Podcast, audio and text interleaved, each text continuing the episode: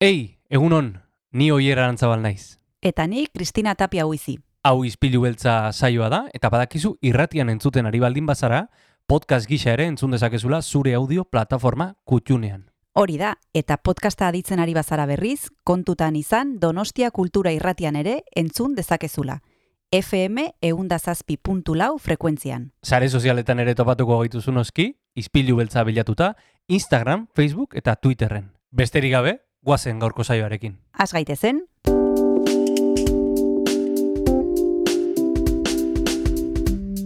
Ispilu beltza.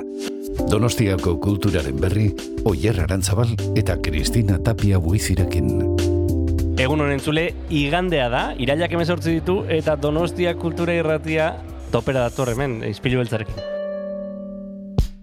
Egun hon, Kristina, parrez ikusi zaitut. Irri parre batekin. bai, ematen du ez dakit, Gure txiringitoan gaude, posi, posi gaudelako. bai, pozi gaudelako, pozi gaudelako. Hemen izugarrizko zurrumile bat dugu, ez dakite e, entzulek entzuten duten, baino jendea dabil, bueltaka gora eta bera, akreditazioak zintzilka, e, kursalean, eta guk gonbidatuak ditugu gaur, pelikula bat e, ikusi dugu, Lurrola Izalaren irugarren kuadernoa, eta gonbidatu dugu e, zuzendaria, kasu hontan zuzendari gisa dator, ispilu beltzara, e, kontatzeko, ba, nola sortatu zen proiektu hau, eta ba, zeri buruz hitz egingo digun. Joiesen inguruan ez da oier? Hori da, joiesen irugarren kuadernoan murgilduko gara bere filmaren bitartez, oso film soila eta ederra, e, zabaltegiren barruan e, aurkeztuko dena, ea zer kontatzen digun lurrek, eta horrez gain, kresalako lagunak. Bai, badekezue egunotan egunero izango ditugula Kresala Zinekuleko lagunak, gaur Pedro Saldaina etorriko da. Tira ba, besterik gabe goazen astera. Goazen gaurko saiorekin.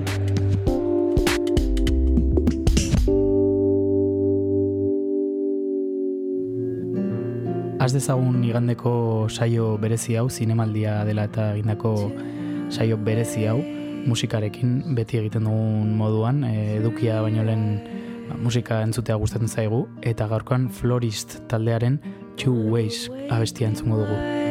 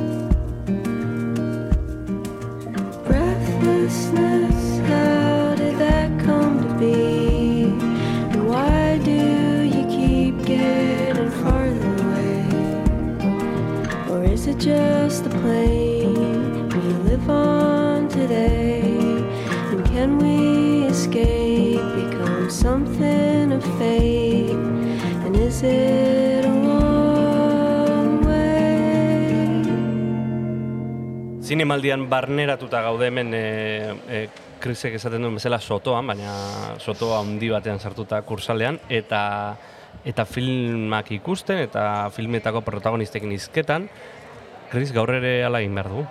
Bai, gaur luxuzko gonbidatua daukagu, ze gurekin ba, harreman handia izan duen Bai. pertsona ekarri dugu, berak eh, komentatu dizkigu pelikula mordoa, eta arain dator beste aldean egoteko, bera da. protagonista, bera da zuzendaria, e, lurro laizola, daukagu hemen gurekin izpilu beltzan, eta semos pelikula, pelikula ekartzen duelako zinemaldira, eta nun eta zabaltegin, jada, osea, sartzen da atea hunditik. Ate handitik. bai. Bai, bueno, luxuan eretzat, ez, Bai. zuekin nire pelikulari buruz hitz egiteko aukera ematea, ilusio handia egiten ditegia esan, gaur zuekin egoteak. No- Normalean beste pelikulen inguruan itzien izan duzu izpilo beltzan, eh? baina...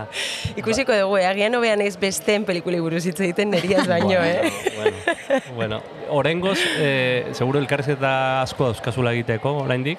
Ba, begira, atzo gintziaten lehenengoa, baina zuena bigarrena da, beraz nahiko freska harrapatzen praktika, dauzue oraindik. Ah. Gero, hemendik egun batzutara zentxaziukiko zu beti berdina esaten zaudela. Seguro, seguro, da gien asmatzen hasten naiz, ez?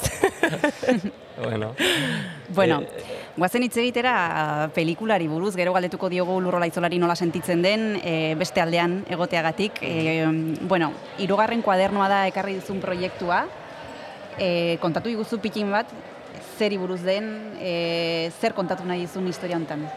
Esango nuke hirugarren kuadernoak nolabait e, joiesen historia kontatzen duela, baina beste era batera, ez?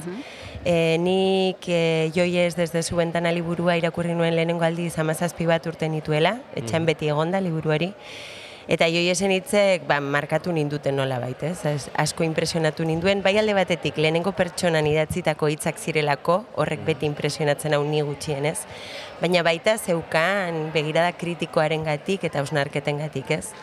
Orduan urteak beranduago nire zine proiektuekin hasi nintzenean, ba, hasi nintzen ikertzen pixka bat larogeiko amarkadaren inguruan. Eta baita, behin baino gehiagotan esaten detena, ez? Baina niretzako zineak ematen du aukera, beti kontatzen diguten, beti era berean kontatzen diguten historia hori bestera batean kontatzeko, ez? Orduan, oso labur esango nuke hori dela hirugarren kuadernoaren proposamena. Joiesen historia, baina bestera batean kontatuta. Eta zergatik joies? Ze harreman izan duzuzuk e, bere historiarekin, pertsonaiarekin, mm, noiztik daukazu gordeta memorian mm, joiesen e, historia, ez dakit... E, Bueno, alde batetik komentatu dizuean bezala, ba, oso gazte nintzela irakurri nituelako bere egunerokoak, ez? Eta horrek asko markatu ninduelako, baina beste alde batetik dakizuen bezala, ba, joiesen historia konbentzionalki kontatzen den bezala, nolabait asko markatu du hemengo historia ere, ez? Nik uste dut e, etak mila bederatzen dut gehieta zeian joies hil zuen momentuan, jendearen, jende askoren jarrera etarekiko aldatu zela. Jende askori ez hitzaion gustatzen e, e, hilketa hori, ez? Orduan, mm, bai iruditzen zaidala oso figura garrantzitsua gure historian. Aldi berean ere, niretzako joies interesgarria zen, ze askotan, eta joiesek berak bere egunerokoetan askotan aipatzen du, nola bihurtu den pertsonai bat, ez? Eta niretzako hori ere nahiko mm, obsesionatzen nauen gai bat da, ziruditzen zaita askotan, historia kontatzen direnean iraganari buruz, ez daukagula inbeste pertsonetara iristeko aukerarik. Baizik eta askotan e, pertsonaiak edo mitoak edo ez e, klitxeak direla e, ditugunak eskura. Eta ordan oso interesgarria ere iruditzen zitzen nolabait, joies bat aurkeztean non ez den pertsonaia hori edo mito hori edo eroia edo traidorea, ez? Baizik eta esatea, bueno, eta nun dago bera pertsona bezala. Eta claro, horretara hurbiltzeko ba ez daude bere eguneroko hitzak baino medio berik, ez? Soltasunen alde indezu apustu, ez? E, e, eta esan dezagun pixua testuak hartu duela, ez? E, pelikulan zergatik.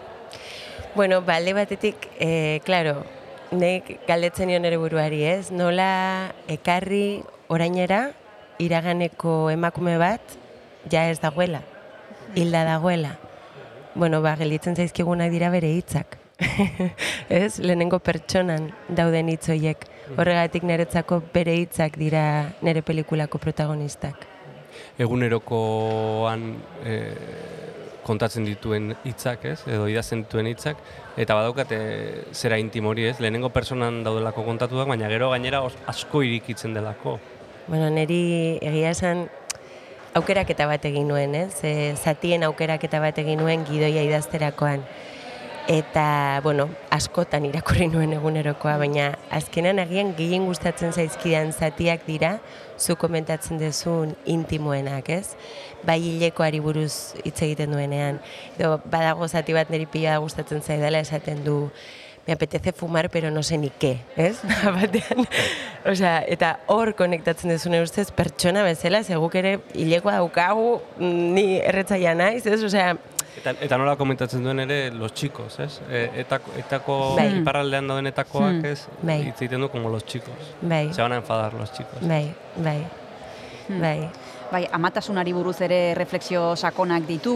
Bueno, ean bat gai berarekin lotzen gaituenak e, askori, beste modu batera, hori zuk esan bezala, e, geneukan pertsonaia bat e, bezala. Hori da. Hori da, bai, bai, dudari gabe, nire ustez ere amatasunari buruzko hausnarketa oso interesgarria da, ze gainera berak hor jartzen du, ba, ni adibidez ere kezkatzen dauten gaietako bat, ez? Dala, ama izan nahiko nuke, presnago ez, baina nola egingo dut aurrera nire karrerarekin. ez, soziologia ikasi zuen berak Mexikon, momentu horretan ikasten jarraitu nahi zuen, e, karreraren bukaerako proiektua gelditzen zitzaion, ez? Eta nola konpaginatzen duzu amatasuna zure karreraren evoluzioarekin, ez? E, iruditu zaizu lur, ezaguna zaizu gure bizioa zein da, eta da bestiak eskatzea.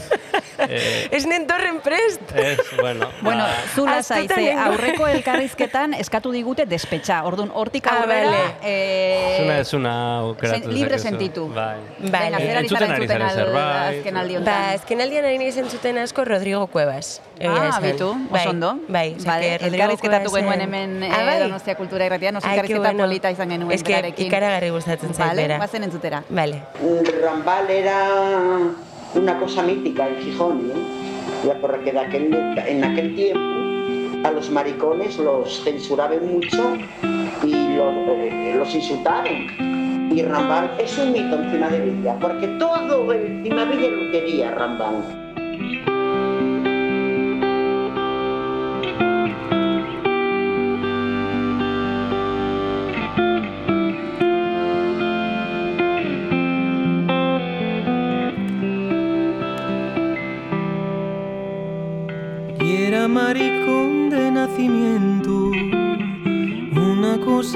Cosa mítica en. Fiu de concha la guapa y era un ídolo, una juerga y era la madre que lo parió. Por los cabarets de Cimavilla cantaba feliz por Marifé como reina de los playos y tal cosa se paseara por barrio tan popular alguna vez.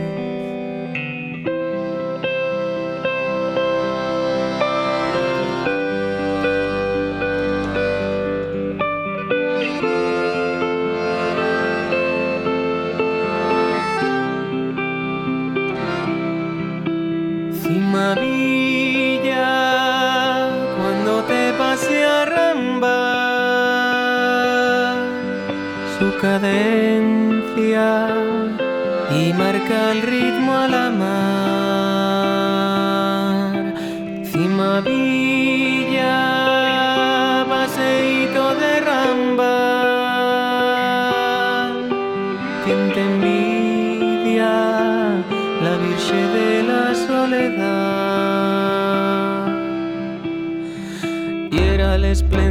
del barrio alto, concha la guapa salía anunciando ya hay función.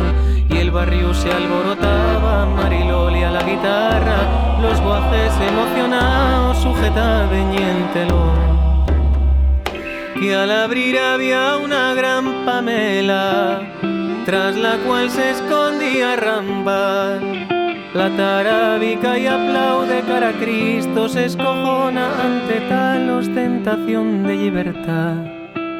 Libertad, Rambal, libertad, bien te amar. Libertad,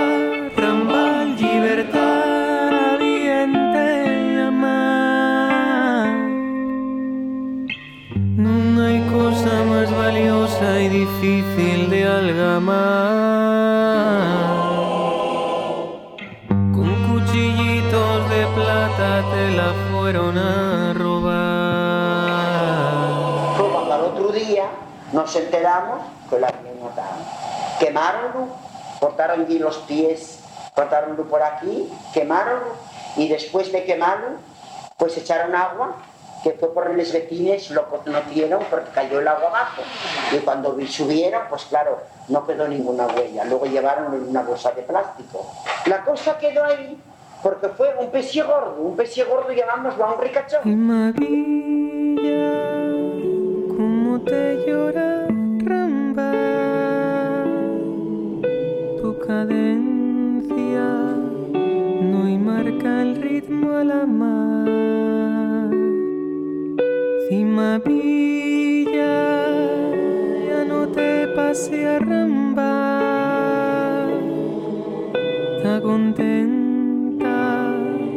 la Virgen de la Soledad.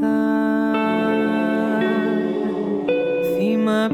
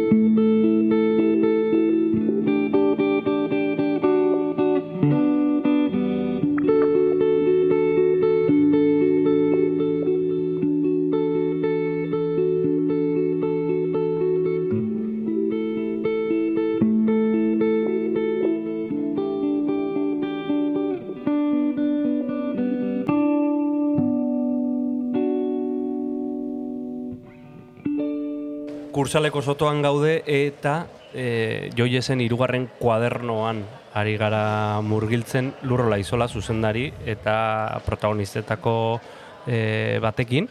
Eta ari ginen aipatzen mm, pelikularen soltasuna, ez? E, aipatu nahi nuen bai- baita ere Maili Barberren eskua. E, Soltasun horretan hasieran oso plano itxiekin azten zarete ez, eta gero bapatean pixkat irikitzen da. E, nola, en, nundik enfokatu zenuten e, autu hori?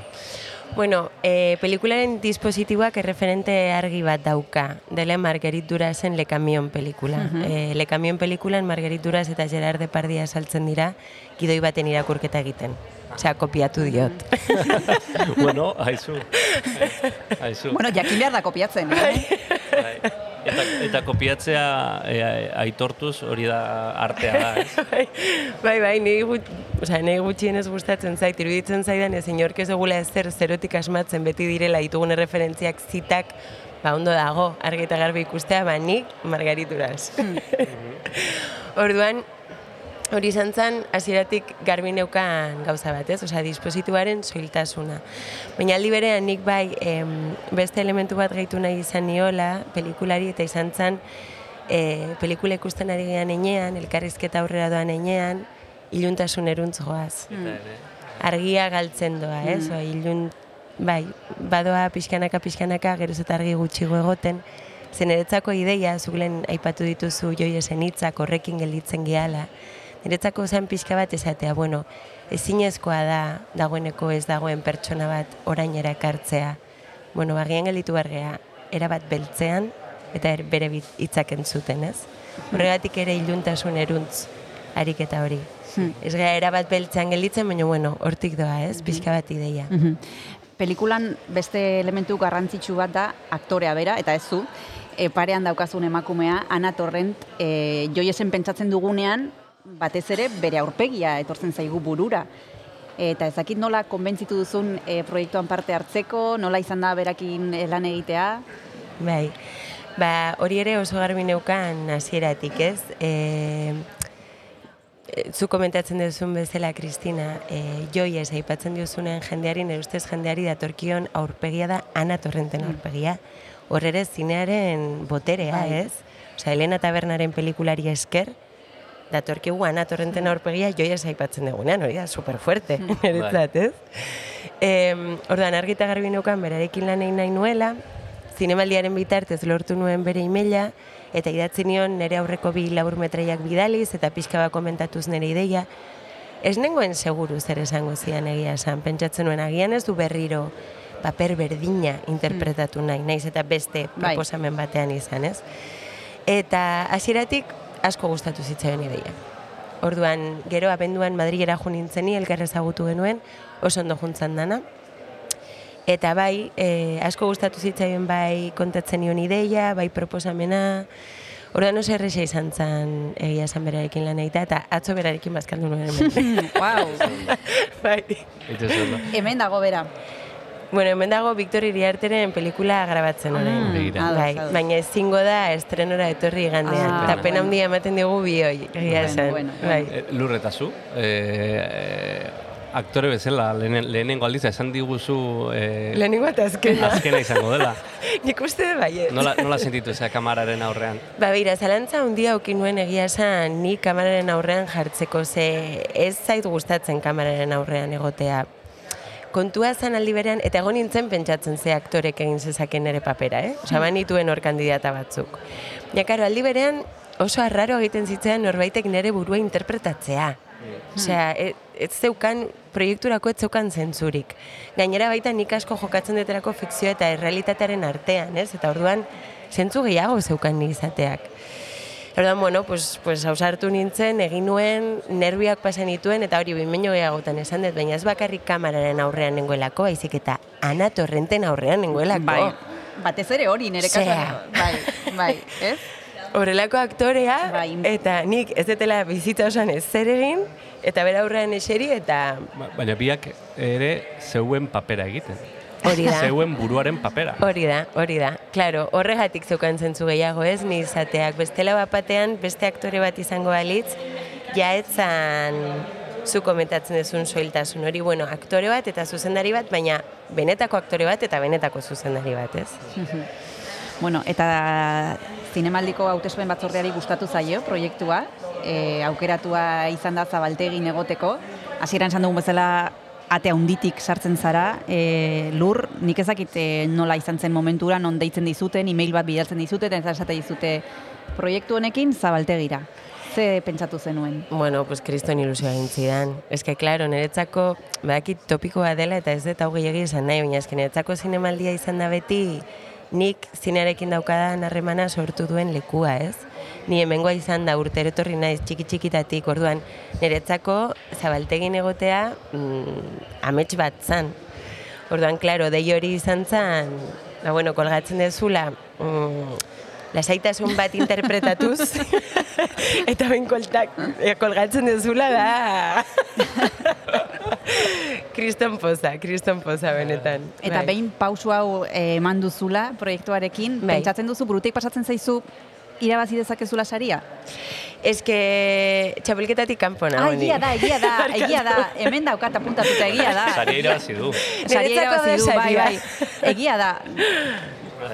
Bai. Eta mm, nola espero duzu, ez dakit, lehenbiziko paseetan pentsatzen dute familia lagunak eta egongo direla, gero ja egongo dira hor beste batzuk eh, ba, jende arruntarekin esan dezakegun, eh, ez dakit, eh, ze espero duzu, Bueno, lehenengo paseak ilusio handia egiten dit, bai e, nere jende asko etorriko delako, baina baita joiesen gandik gertu dagoen jende etorriko delako Mhm. ere, eta hori oso garrantzitsua da niretzat, ez? Eta gero, bueno, kuriosidade handia sortzen dituzte pelikula bat egiten dezunean, gerta daiteken gauzarik onena dela jendearekin partekatzea. Mm. Eta ordan neri gustatu gustatuko litzaidake ikusle bakoitzarekin. Behin pelikula ikusi dutela. Kafe bat hartzea. Kafe bat hartzea. Zemuz? Seguro da guntuko zinela, eh? Jari Agian kafe bai. hartu. Ez ekonomiko que bakarrik, eh? Eh, Lur, bigarren abesti bat. Eh, bueno, pues orain... Zein aukeratuko dut? Ba, Spotifyen bigarren antzun, atzo entzun zen zerbait. Atzo entzun nuen zerbait. Ah, ba, beira, em... Ai, nola da? Talde bat. The Magnetic Fields. Eh, perfecto. Bai. Primeran. Oso ondo, entzun dezagun.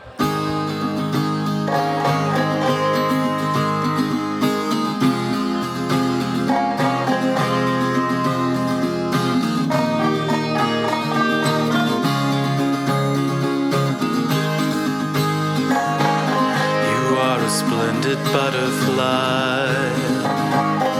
It is your wings that make you beautiful. And I could make you fly away. But I could never make you stay. You said you were in love with me. Both of us know that that's impossible and I could make you rue the day. But I could never make you stay. Not for all the tea in China. Not if I could sing like a bird, not for all North Carolina. Not for all my little words, not if I could write for you. The sweetest song you ever heard, it doesn't matter what I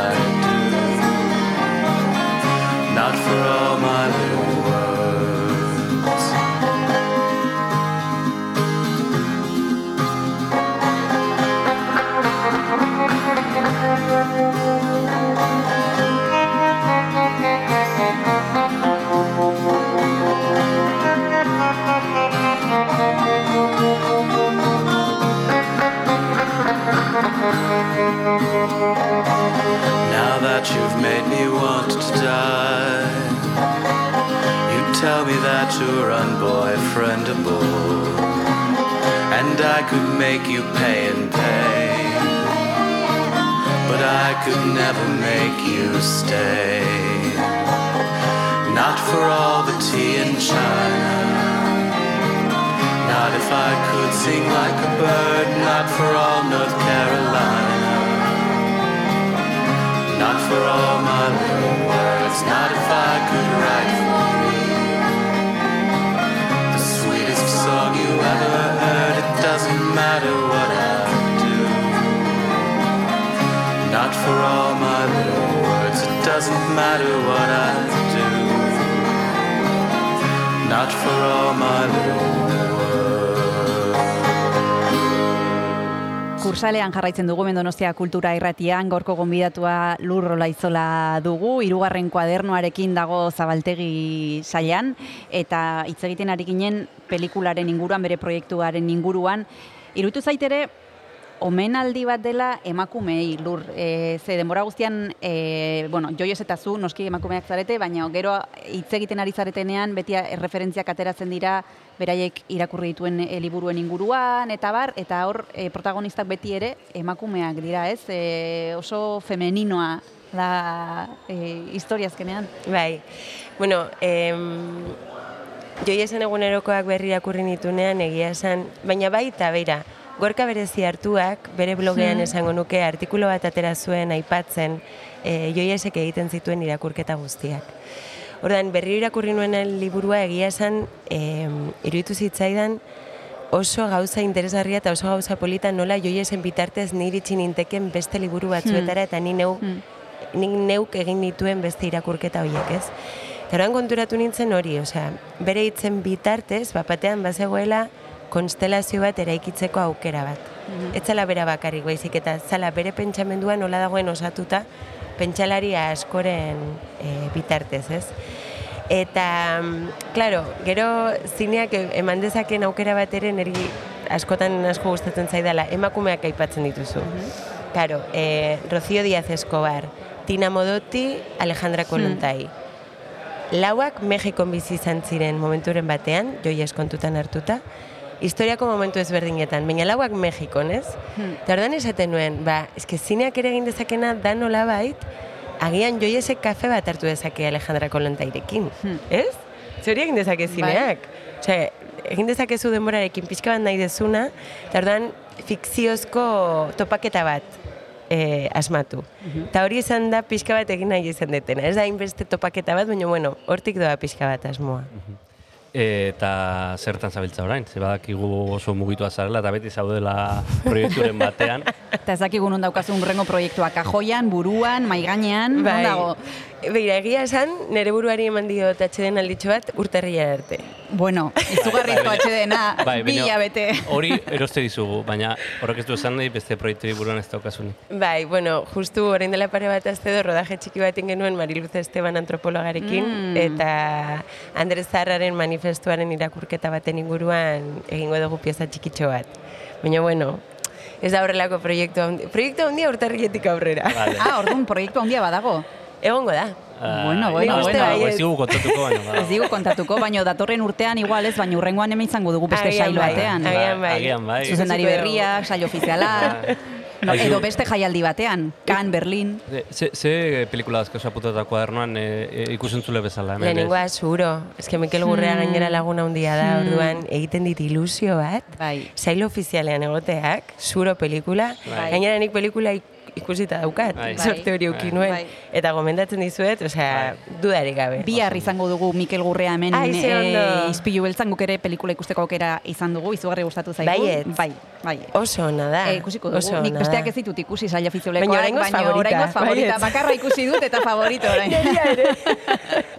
bueno, entzule, eh, jarraitu adi hemen eh, Donostia Kultura Irratian ze ikusten duzunez protagonista mordoa ditugu, gaur lurrola izola, bihar Mikel Gurrea izango dugu, zuro proiektuarekin saio ofizialean egongo da, bera bai lehiatuko da, Bai. urrezko maskorra irazteko aukera dauka. Eta eh, zuri lur, ba, zorte paseetan, Eskerrik asko. ea aukera daukazun e, ikuslekin kafe hartzeko, ez denekin, baino batzuekin dizuet. behintzat, hori da. Kontatuko dizuet. Bai, kontuz ikusle guztiekin hartzarekin, eh? Eskerrik asko eta hurrengora arte. Eskerrik asko zuei. Agur, agur. agur.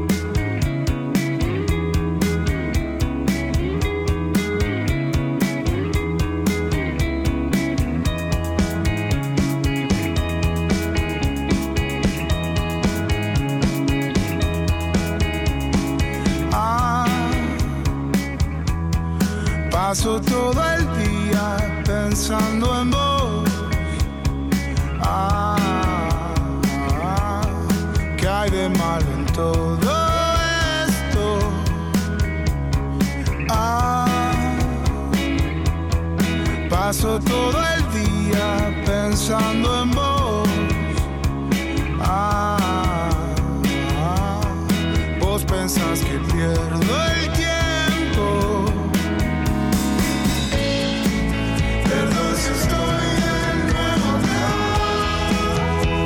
Que habías preguntado por mí. Me gusta estar de nuevo acá. Aunque no hayas preguntado por mí. Voy a quedarme un poco acá y darte siempre a vos en la derrota hasta el final, el final.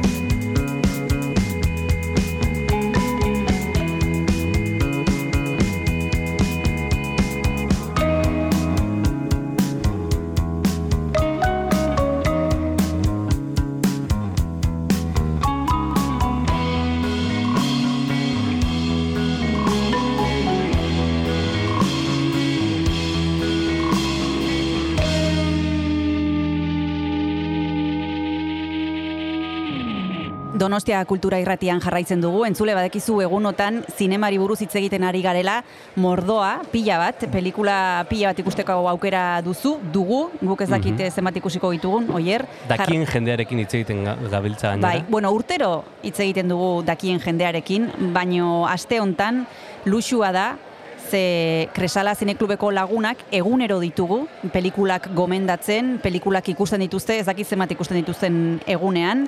Orain galdetuko diogu gaurko gonbidatuari, Pedro Saldañari. Egunon, ¿qué tal estás, Pedro? Muy buenas. Pues muy bien. De- decíamos que estamos hablando con gente que sabe de cine y que nosotros, por lo menos, lo intentamos aparentar. Bueno, yo también.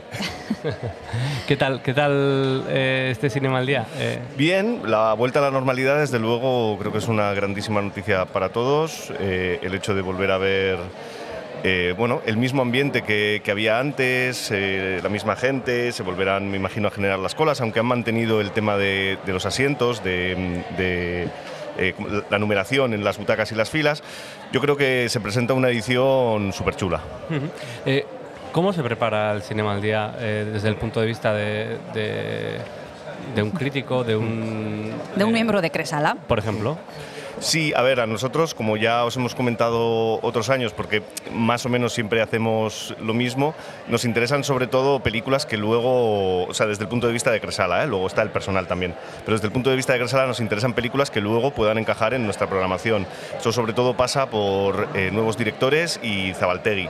Son dos secciones en las que, bueno, hay, hay mucha cantera, luego también es difícil porque hay películas que nos han gustado mucho, pero que luego no tienen distribución en España y entonces no las podemos echar y es realmente una pena. Estoy acordándome de algún caso de, del año pasado, que alguna película que nos gustó un montón de, de nuevos directores y que no hemos podido traerla, bueno, pues porque luego no ha tenido, no ha tenido distribución, pero básicamente esas dos. Luego también hay alguna de Perlas que a veces eh, luego nos estrena y que ahí podemos intentarlo porque suelen ser películas ya más potentes.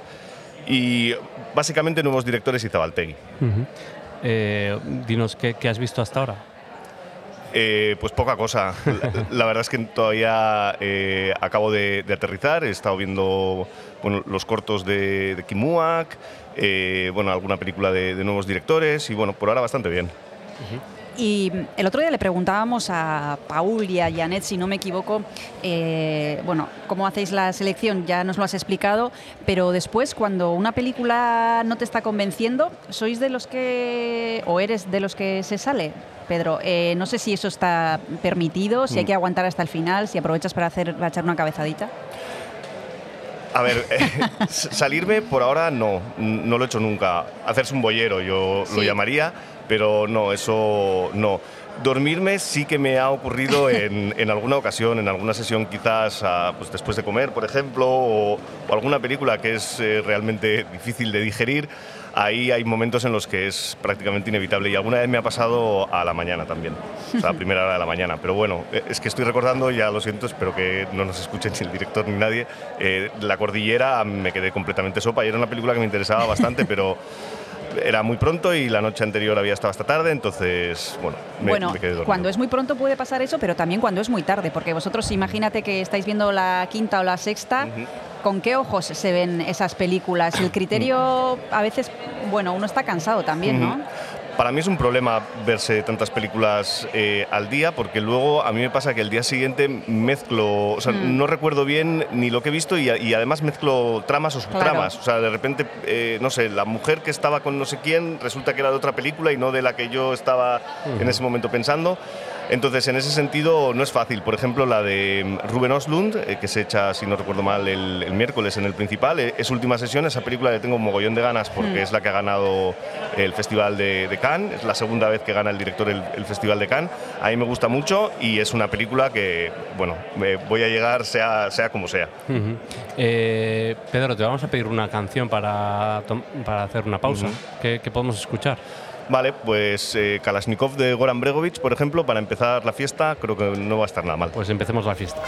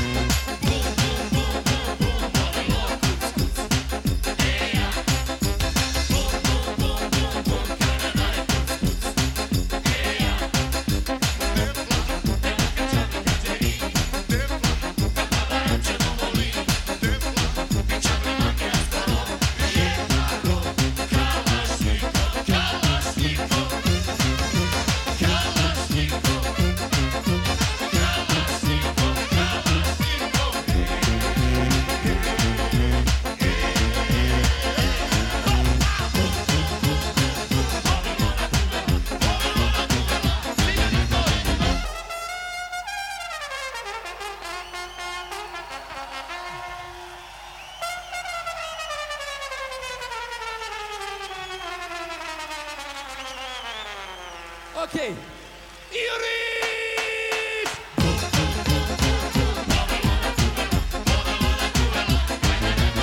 Kizo, kizo, kizo, kizo!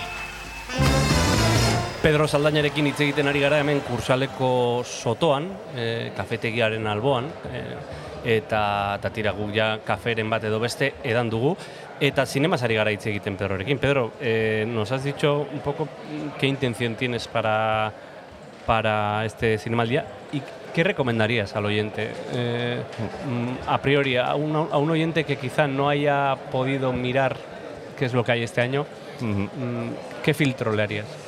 Sí, a ver, bueno, yo creo que la, sección oficial siempre es interesante, aunque ahí, bueno, puede haber alguna película que igual guste más o menos. Nosotros en algún año ha habido alguna película que nos ha pasado lo mismo, que nos gustó un montón, incluso que ganó la mejor actriz. No recuerdo el título, era una película, me parece que noruega, de una, de una niña que se, que se suicidaba y que era estupenda, ganó mejor actriz. Eh, eh, esa es eh, que era todo un plano, Sí, era plano secuencia. un ¿no? plano secuencia que en realidad creo que estaba dividido en cuatro, pero no se notaba. Pues cuando bajaba las escaleras, por ejemplo, cortaba. Eh, o sea, es una película espectacular y no ha tenido distribución, no, no hemos podido conseguirla porque era una película que estábamos locos por traerla. Entonces, yo recomendaría, sobre todo, eh, quiero decir, a, a cualquiera que le guste el cine, la sección oficial, por supuesto, de un festival, creo que siempre es eh, el escaparate y la oportunidad de ver por primera vez eh, esa película y, y de que se lleve un premio y que luego hagas las quinielas, que creo que también es bastante divertido. Y creo que también eso tam- también ocurre con la sección Perlas, en la que el pase de- los pases de, de público sirven para, para votación y ahí se suelen traer además cosas realmente interesantes. Estoy recordando, bueno, cada vez que vas a Perlas sale como un listado de, de películas o directores que han estado y es que pues que aquí ha pasado que más después de leer, Malditos Bastardos, bueno, o sea, unas películas que, que son de las que más gustan. ¿Tienes apuntada la Argentina 1985? No. Es eh, re- recomendación buena para, Te pregunto. No, ah, no, no, no, no. No, no de, de hecho, de Perlas, yo creo que solo voy a ir a, a la de Ruben Oslund, a eh, Triangle of Sadness y luego la, la de. mm, Ay, ahora no me va a salir. eh, no me acuerdo de, la otra, pero tengo otra, otra puntada y el resto, sección oficial o sobre todo nuevos directores eh. Y mm, no sé si hay alguna película que este año venga con polémica, no sé si nos puedes decir algo con respecto a eso o siempre Sí. hay alguna alguna todos los años que viene con un poco de ruido. Sí, algo hemos comentado eh, los compañeros del Cine Club de la de Ul- Ulrich Seidel. Paul es eh, muy, bastante más aficionado al cine que yo, ve más películas que yo. Eh, y estuvimos comentando que bueno, esa, esa película por lo visto debe venir con polémica porque eh, por lo visto a los niños que componen el elenco no, o no debieron contarles bien a los padres eh, de qué iba la película o por ahí ha habido algún tipo de, polémica bueno, un tanto extraña y que, no sé, habrá que... Yo también soy de descontextualizar, quiero decir, mm, eh, por, quiero decir, que, que alguien haya hecho algo mal o que, o que en una película alguien del elenco sea alguien despreciable, no creo que deba eh, significar que esa película sea una película maldita o que sea una película que no haya que ver. Normalmente suele venir muy bien, como por ejemplo con lo de Olivia Wilde y Harry Styles y esta película, ¿no? De, bueno, que todos hemos visto las imágenes de Venecia cuando parece que le escupe, no sé qué. Tampoco sabría decir muy bien si aquello de que hablen de mí aunque hablen mal, Hmm. pero desde luego sí hay- un par de películas que vienen, bueno, pues con, con polémica. ¿Y de las retrospectivas? eh, Mm. ¿Soléis picar de ahí también o no os da Mm. tiempo? Normalmente poco. Eh, yo además no he visto ninguna, ninguna película de, de este director, pero ¿Tú, realmente... So- sí. Sotet? Eh, he cogido una, lo que pasa es que no me acuerdo el título, para yo creo que el miércoles o así. Eh, bueno, eh, siempre es interesante, yo creo también, sobre todo si no has visto ninguna película. A mí me pasó con Dorothy Adner, que no la conocía y me vi dos películas y me encantaron.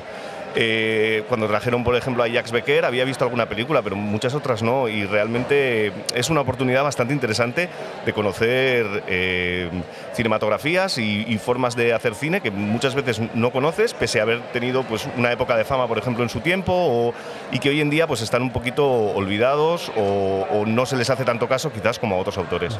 Eh, te- he comentado que es diferente ver las películas desde el punto de vista del crítico, pero en, en vuestro caso, más que críticos, sois pescadores, ¿no?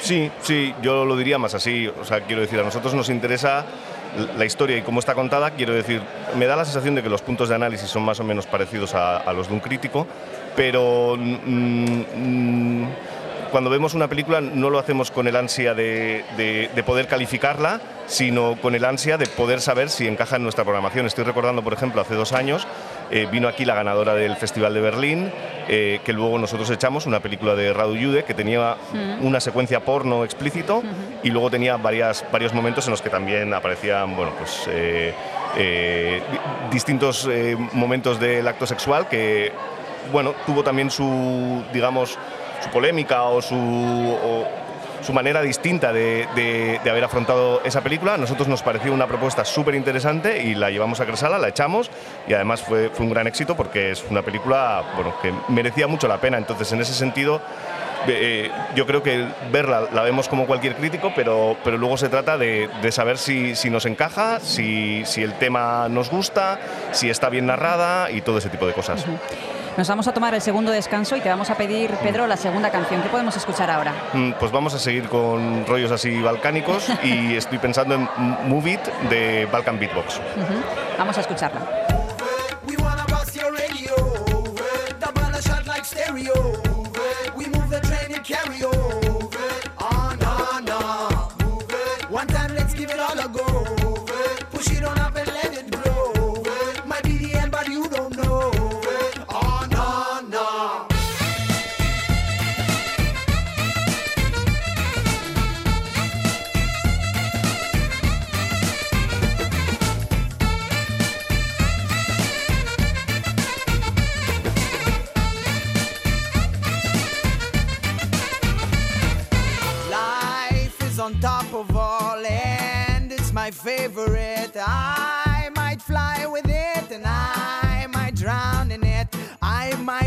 Aside of it, but I can't ignore it.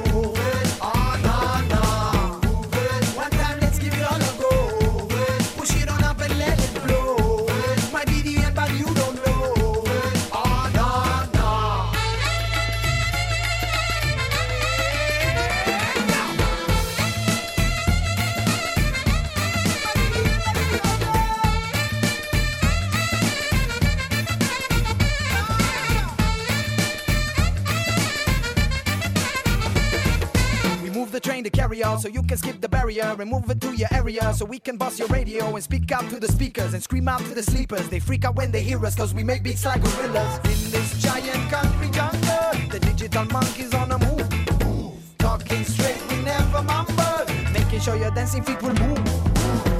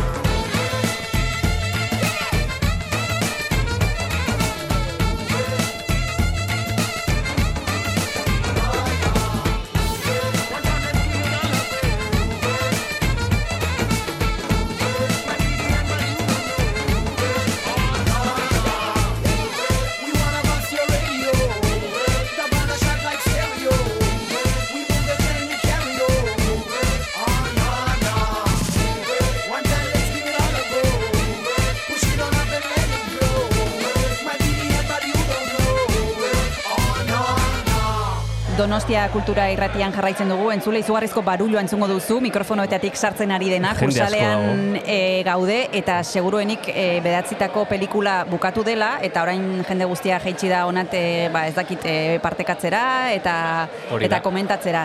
Guk hemen badekizue astero, izaten ditugula Kresala Zineklubeko lagunak, aste hontan egunero ditugu, luxua da guretzako horlako jendea guregana hurbiltzea e, pelikulak komentatzera. Pedro Saldaña daukagu gaurkoan. Pedro, antes eh, Decía que vosotros sois pescadores de películas. ¿Cuáles son las características que tiene que tener una película para que después la podamos ver en el cineclub?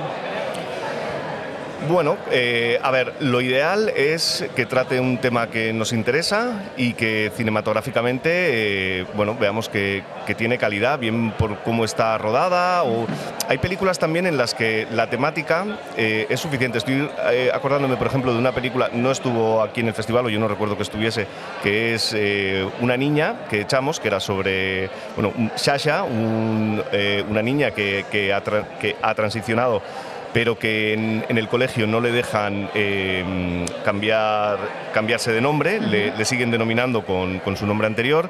Y era una película realmente interesante, pese a ser eh, un documental no especialmente, por lo menos a mí no me pareció, no especialmente brillante en cómo está grabado, pero sí cómo estaba articulado como un thriller. Quiero decir, toda la película te llevaba al clímax, que era el momento en el que la escuela tenía que decidir finalmente si sí aceptaba el nombre de Sasha o si no lo aceptaba. Y una vez que eso ocurre, llega el clímax, ya siento el spoiler, eh, aceptan el, cambio de nombre y está muy contento, pero entonces se apunta a unas clases de ballet, ya es el final de la película, y en las clases de ballet no le admiten el, cambio de, nombre. Y entonces hay una secuencia maravillosa de, que, ya digo, es un documental, quiero decir, es lo, que le ocurría a Sasha de verdad. Y, en ese momento, eh, Sasha, cuando no le admiten, le dice a su madre, mientras está llorando, pero es que voy a tener que seguir luchando toda la vida. Quiero decir, eh, toda la película ha estado en torno a me van a aceptar en el cole, me van a aceptar en el cole, me van a aceptar en el cole, y una vez que la han aceptado en el cole, eh, lo o sea, se da cuenta de que va a tener que hacer eso en todos los aspectos de su vida, para encontrar un trabajo, para, para cualquier cosa, lo cual es bastante desolador, pero como estructura narrativa es una estructura narrativa súper interesante porque te pone un poco en la realidad, quiero decir, todas las luchas que va a llevar Sasha a lo largo de su vida, de todas esas solo hemos visto una y es muy dura.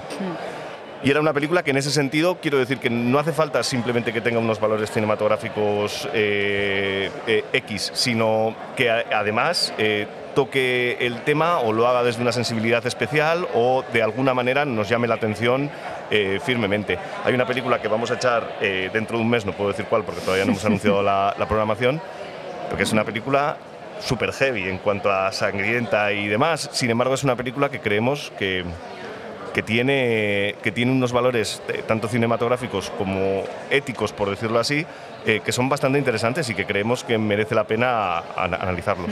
Y otra de las características puede ser que dé pie al debate, que sepáis que va a haber conversación después. Sí, sí, sí, claro. tam- también hay películas que por su temática son eh, altamente interesantes. Por ejemplo, eh, el año pasado eh, echamos una película ucraniana, luego echamos también una rusa que había estado en, Nuevos Directores.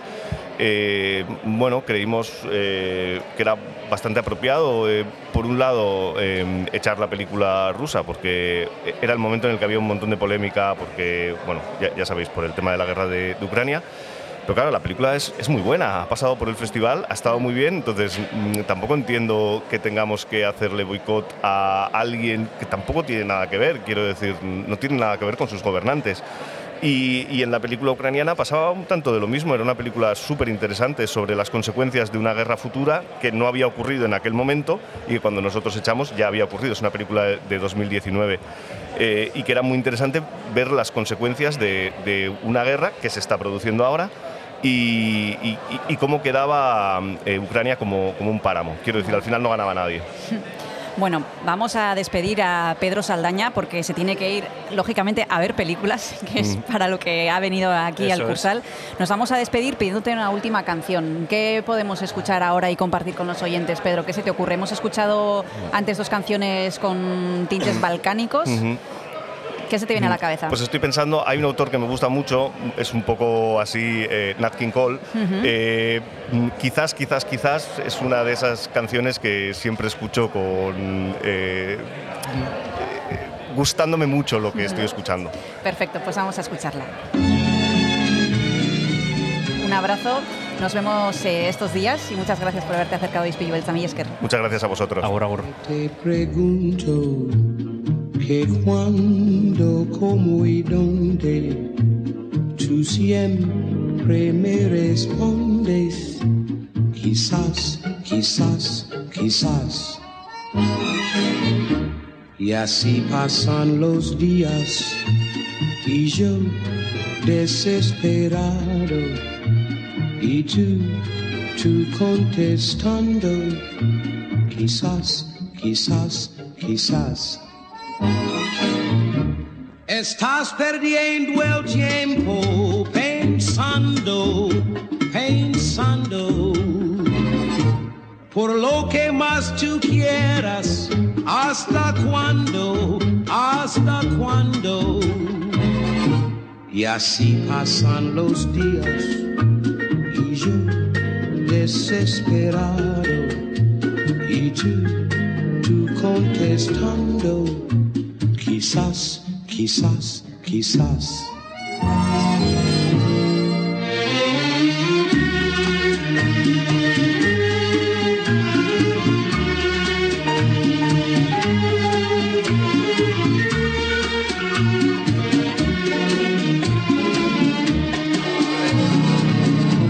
Y así pasan los días y yo desesperado y tú, tú contestando, quizás, quizás, quizás. Estás perdiendo el tiempo pensando, pensando por lo que más tú quieras. ¿Hasta cuándo? ¿Hasta cuándo? Y así pasan los días y yo desesperado y tú, tú contestando, quizás, quizás, quizás, quizás, quizás, quizás, quizás, quizás, quizás.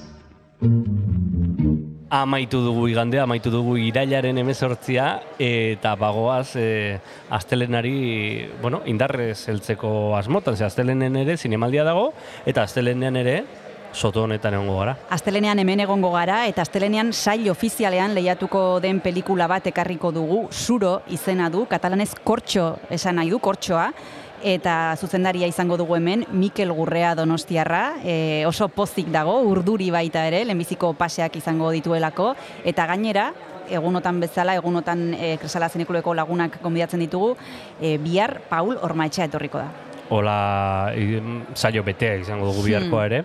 Beraz, e, gogoratu, Donostia Kultura Irratia sintonizatzea, ber- bertan zinemaldiarekin konektatzeko aukera izango duzu, FM 107.4 frekuentzian, eta audio plataformetan, e, streaming plataformetan, Spotify, Google Podcast, Apple Podcast, arpidetu, eta jarraitu gure guina. Besterik Bihar ez. arte. Agur, agur. Aio.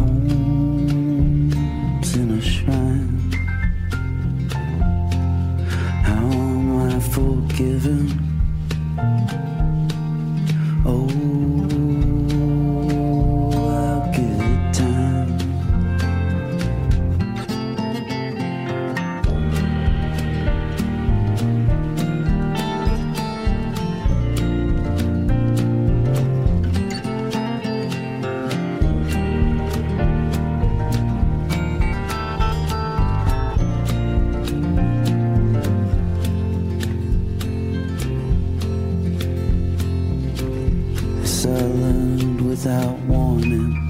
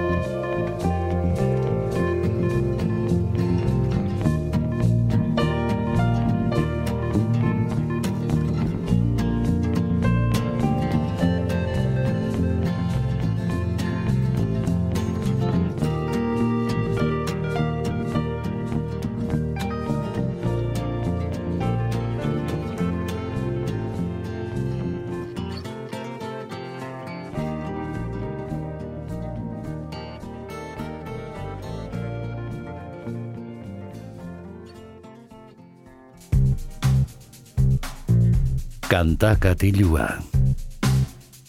Jon Gartziaren eskutik. Egun hon eta igande hon entzule iritsi gara ispilu beltzaren amaierara gaurkoz. Eta badakizue horrek zer esan nahi duen kantakati jura iritsi gara. Gaurkoan ere zinema zaritu gara gustora izan ere data ba, garrantzitsua dira donostiarrentzat eta zinema maite dutenentzat. Zinemaldian murgilduta baikaude baina tira orain e, parentesitxo bat egingo dugu musika entzuteko eta ezagutzeko. Gaurkoan The Du taldearen Shake Shook Shaken diskoa rekuperatuko dugu 2014ko disko bat baita, hain zuzen ere. Eta alaxe hasten da Keep Your Lips Sealed kantuarekin.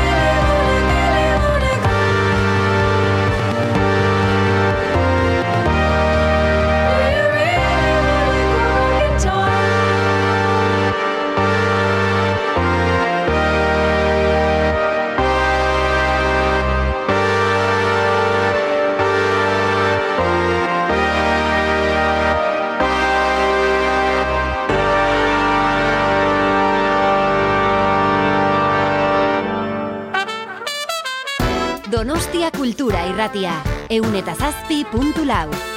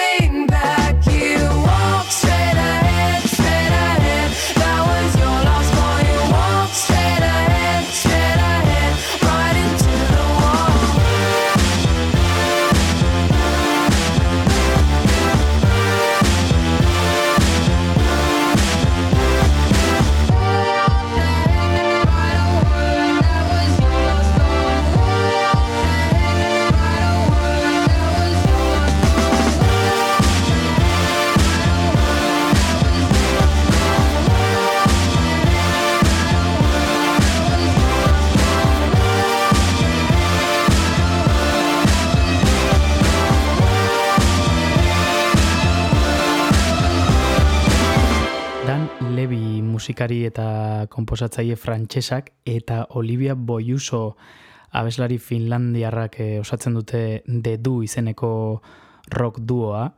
Eh, hainbat eh, estilo jorratzen dituzte, folk rocka, indie rocka eta beste hainbat. Eta disko hau da haien diskografian duten azkena, 2000 amalauan argitaratu zuten Shake, Shook, Shaken izenarekin, eh, haien diskografian hirugarrena hain zuzen ere.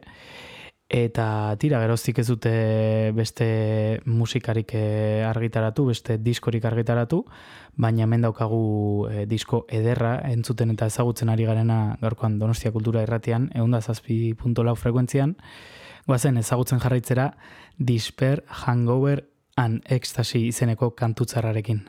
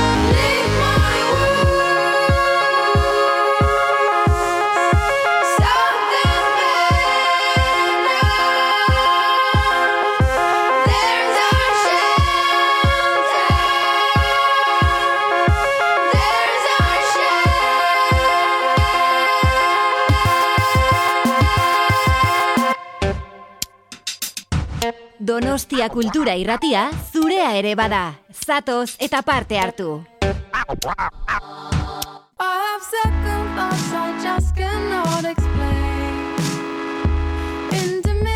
That keep stepping in the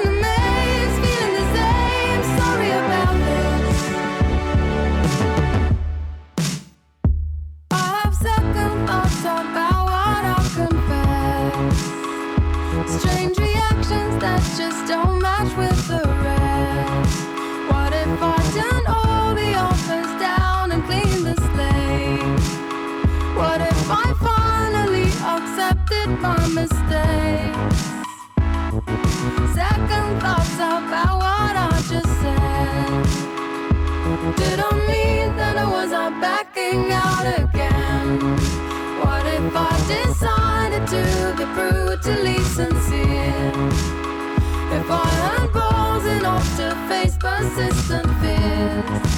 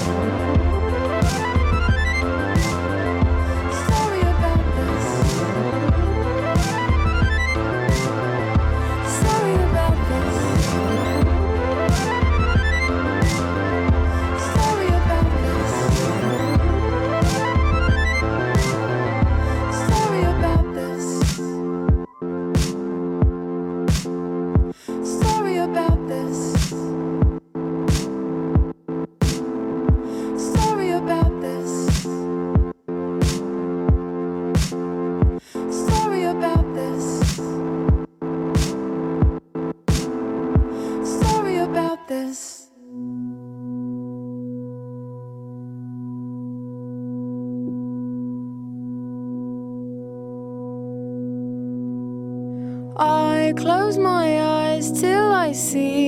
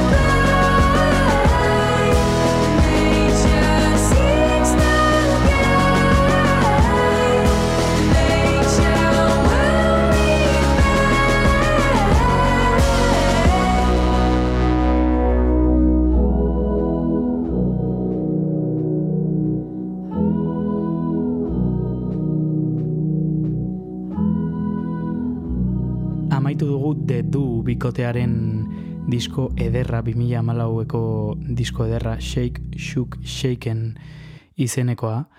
Nature Will Remain abesti bikaina entzun dugu orantxe eta azkenekoarekin utziko zaituztet, omen izenarekin. Gu bihar izango gara bueltan, astelenero legez, eta tira, bihar arte.